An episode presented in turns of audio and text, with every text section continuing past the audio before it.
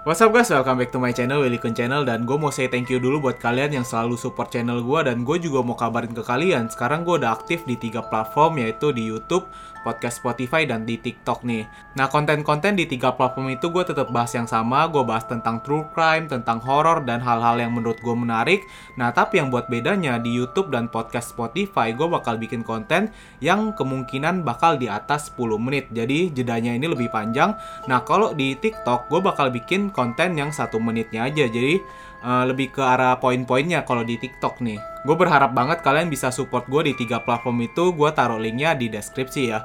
Nah hari ini gue mau bahas tentang jembatan puncak nih. Sebenarnya kemarin gue udah sempet update di TikTok dan kelihatannya banyak yang pengen tahu lebih dalam tentang jembatan puncak ini. Tapi kan di TikTok gue cuma ada durasi satu menit. Gue nggak bisa jelasin secara detail tuh di situ jadi gue kasih poin-poinnya aja. Tapi di sini gue bakal bahas tuntas tentang jembatan puncak jadi sebelum mulai jangan lupa untuk selalu support channel YouTube gue dengan cara klik tombol subscribe-nya aja di pojok kanan video kalian, kemudian tinggal klik tombol loncengnya agar mendapatkan notifikasi terbaru dari channel gue. Oh ya, jangan lupa juga untuk like dan share video ini ya nanti. Kalau kalian pernah ke puncak di Kabupaten Bogor, pasti kalian pernah ngelewatin satu jembatan yang letaknya ini aneh nih, ada di tengah-tengah jalan. Nah waktu itu gue juga sempat lewat dan gue mikir, loh kok nih jembatan bisa ada di tengah-tengah jalan raya ya? Jadi memang jembatan ini tuh terhubung dengan satu villa besar yang sekarang jalurnya itu udah ketutup sama pohon-pohon. Jadi kalau kita ngeliat jembatan ini, seakan-akan kok jembatannya kayak nggak ada ujungnya ya. Tapi sebenarnya jembatan ini tuh ada ujungnya ke satu villa yang masih aktif sampai sekarang. Nah sejarah awal dari villa ini menurut penduduk sekitar itu sempat menjadi petilasan Bung Karno. Nah petilasan itu adalah tempat yang pernah disinggahi. Jadi Bung Karno sendiri sendiri pernah singgah di villa ini untuk beristirahat. Nah, menurut penduduk sekitar juga, memang Soekarno itu dulu sering ke villa ini. Nah, kalau dia ke villa ini, dia akan naik helikopter dan berhenti di rest area nih, parkirin helikopternya. Kemudian dia akan jalan menggunakan jembatan di puncak itu untuk masuk ke villa besarnya itu. Tapi sejak tahun 1960 hingga 1970, villa besar ini tuh berubah fungsi menjadi kafe yang mewah. Namanya itu Riung Gunung Coffee Shop. Nah, makanya kalau kalian lihat jembatannya sekarang, ada tulisan Riung Gunung di pinggir jembatan itu. Coffee shop ini sendiri juga bukan main-main dalam pembuatannya. Jadi coffee shop ini dikabarkan dibangun oleh salah satu hotel ternama di Indonesia, yaitu Hotel Indonesia. Jadi bisa dibayangin seberapa mewah coffee shop ini pada waktunya. Tapi sayangnya pada tahun 1970-an dikabarkan coffee shop ini merugi dan akhirnya harus tutup.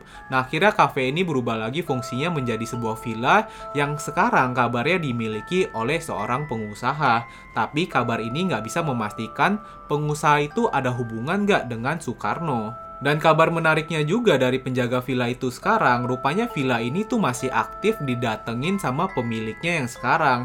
Dan ada juga beberapa foto yang diunggah oleh penjaga villa ini nih.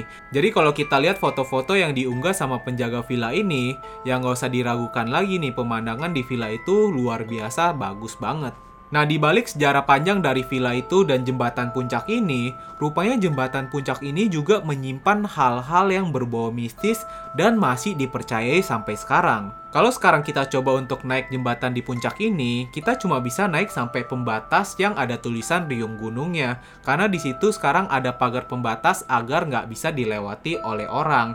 Nah, kabarnya juga rupanya jembatan ini adalah gerbang gaib. Jadinya jembatan ini menghubungkan antara dua dunia, yaitu dunia manusia dan dunia gaib.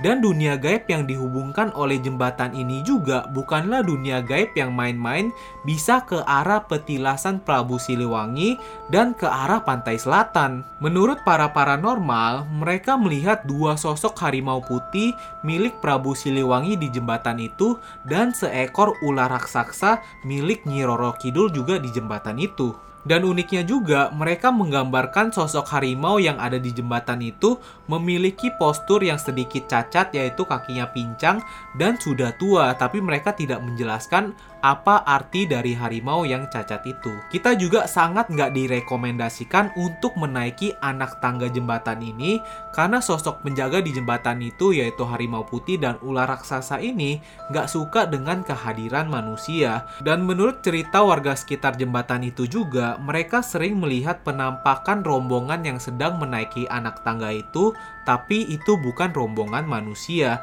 dan hilang begitu saja setelah menaiki jembatan itu. Dan yang paling menariknya, menurut penjaga villa ini, di villa ini tuh ada sebuah kamar rahasia milik Soekarno yang nggak boleh dibuka sampai sekarang. Dan di dalam kamar itu ada sebuah lubang misterius yang nggak pernah dijelajahi oleh orang. Sampai sekarang kamar rahasia milik Soekarno itu masih dijaga oleh pemilik villa yang sekarang dan nggak pernah dibuka. Jadi ada yang berani gak buka kamar milik Soekarno? Nah itu dia video hari ini guys. Semoga udah gak penasaran lagi sama jembatan yang kalian sering lewati ya. Oh ya jangan lupa untuk subscribe, like, dan share video ini. So thank you guys for watching this video and see you guys in the next video.